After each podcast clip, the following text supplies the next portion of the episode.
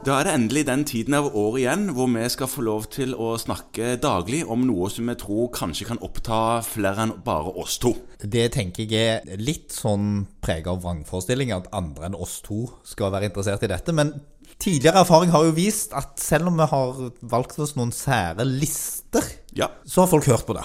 folk har hørt på det, og nå snakker vi ikke bare til kolleger, eh, men òg til alle som på et eller annet tidspunkt har vært innom fastlegen sin og blir stukket hull på. Ja, for i år så skal vi lage julekalender igjen. Yep. ja. Og i morgen er det jo desember, I morgen er det desember. adventstid. Og folk har helt sikkert ikke bedre ting enn å gjøre enn å bruke noen få minutter av sitt liv på å ha oss på øret. Hver dag. Ja. da, nei, Vi får håpe på det. Fordi det vi skal snakke om i år, apropos dette å bli stukket hull på, så Ja. er det blodprøver. Det er blodprøver som Ja. fastlegen har i varierende grad bestilt. Ja, Så vi tenker oss å ta for oss de eh, 24.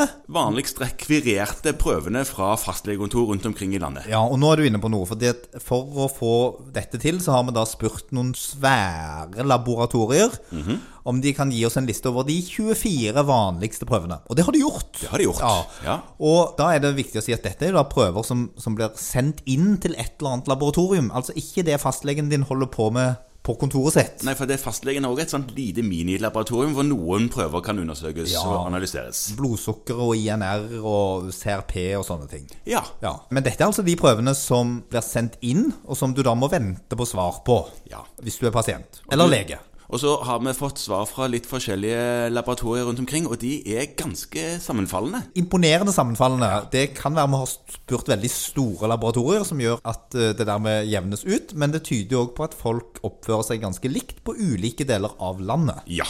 Men det er én prøve som kanskje veldig mange folk eh, kjenner til, som òg etterspørs tidvis på fastlegekontoret, som ikke står på denne listen. Eller står nesten. Han står på plass 25-26, eller noe sånt som det. Ja. Og det er CRP. CRP. Ja.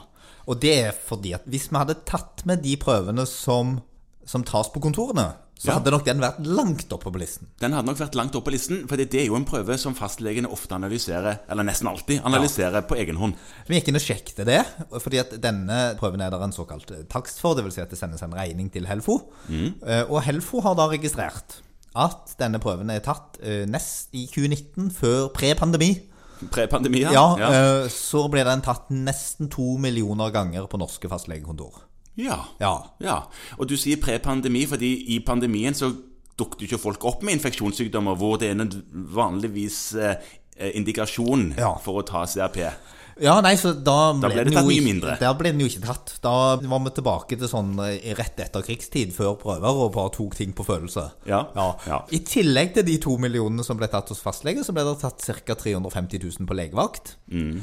Eh, 2 350 000 CRP, det vil si at nesten halve befolkningen ja, har fått målt sin CRP i løpet av 2019. Tipper at enkelte fikk tatt det flere ganger. Men eh, poenget var at en del ble tatt. Og siden vi nå snakker om CRP, oss, og, og vi er på en måte før julekalenderen, la oss si litt hva er CRP egentlig? Ja, CRP det står for noe så magisk som C-reaktivt protein.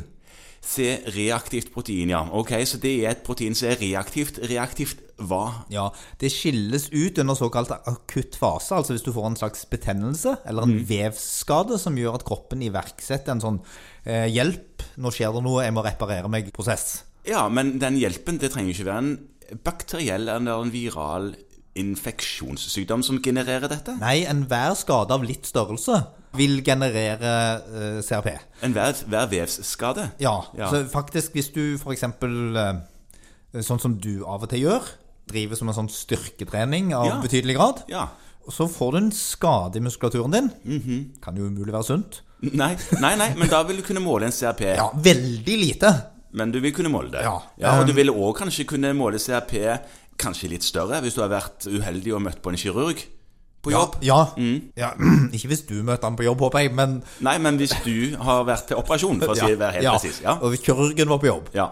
Mm. Eh, så det, og så vet folk at eh, med infeksjoner Ja. så tenker man at man kan få høy CRB, men det kan man òg få med andre typer leddbetennelser, sånn som leddgikt eller muskelgikt og mange andre tilstander, så stiger CRP-en. Ja. Og òg kanskje ved vevskade i forbindelse med solforbrenning. Ja. Og kanskje han stiger enormt òg ved f.eks. en gastroenteritt, en mage-tarm-greie. Voldsomt. Ja. For du har et kjempelangt organ som blir betent. Ja. Så det som er viktig, er at fastleger bruker denne prøven til å prøve å skille mellom type infeksjon Mhm. noen ganger, og til å vurdere størrelsen på en betennelse. Ja. Det bruker leger og fastleger, da, som er, jo er, Ja. denne prøven til. Mhm. Og da er den nyttig, men den kan på en måte ikke isolert sett si noe. Så Derfor så er det egentlig et spørsmål, som det er med alle prøver, og det skal vi snakke om gjennom hele desember. Mhm. Så er det på en måte En prøve er, kan besvare et spørsmål som du stiller etter at du har snakket med pasienten.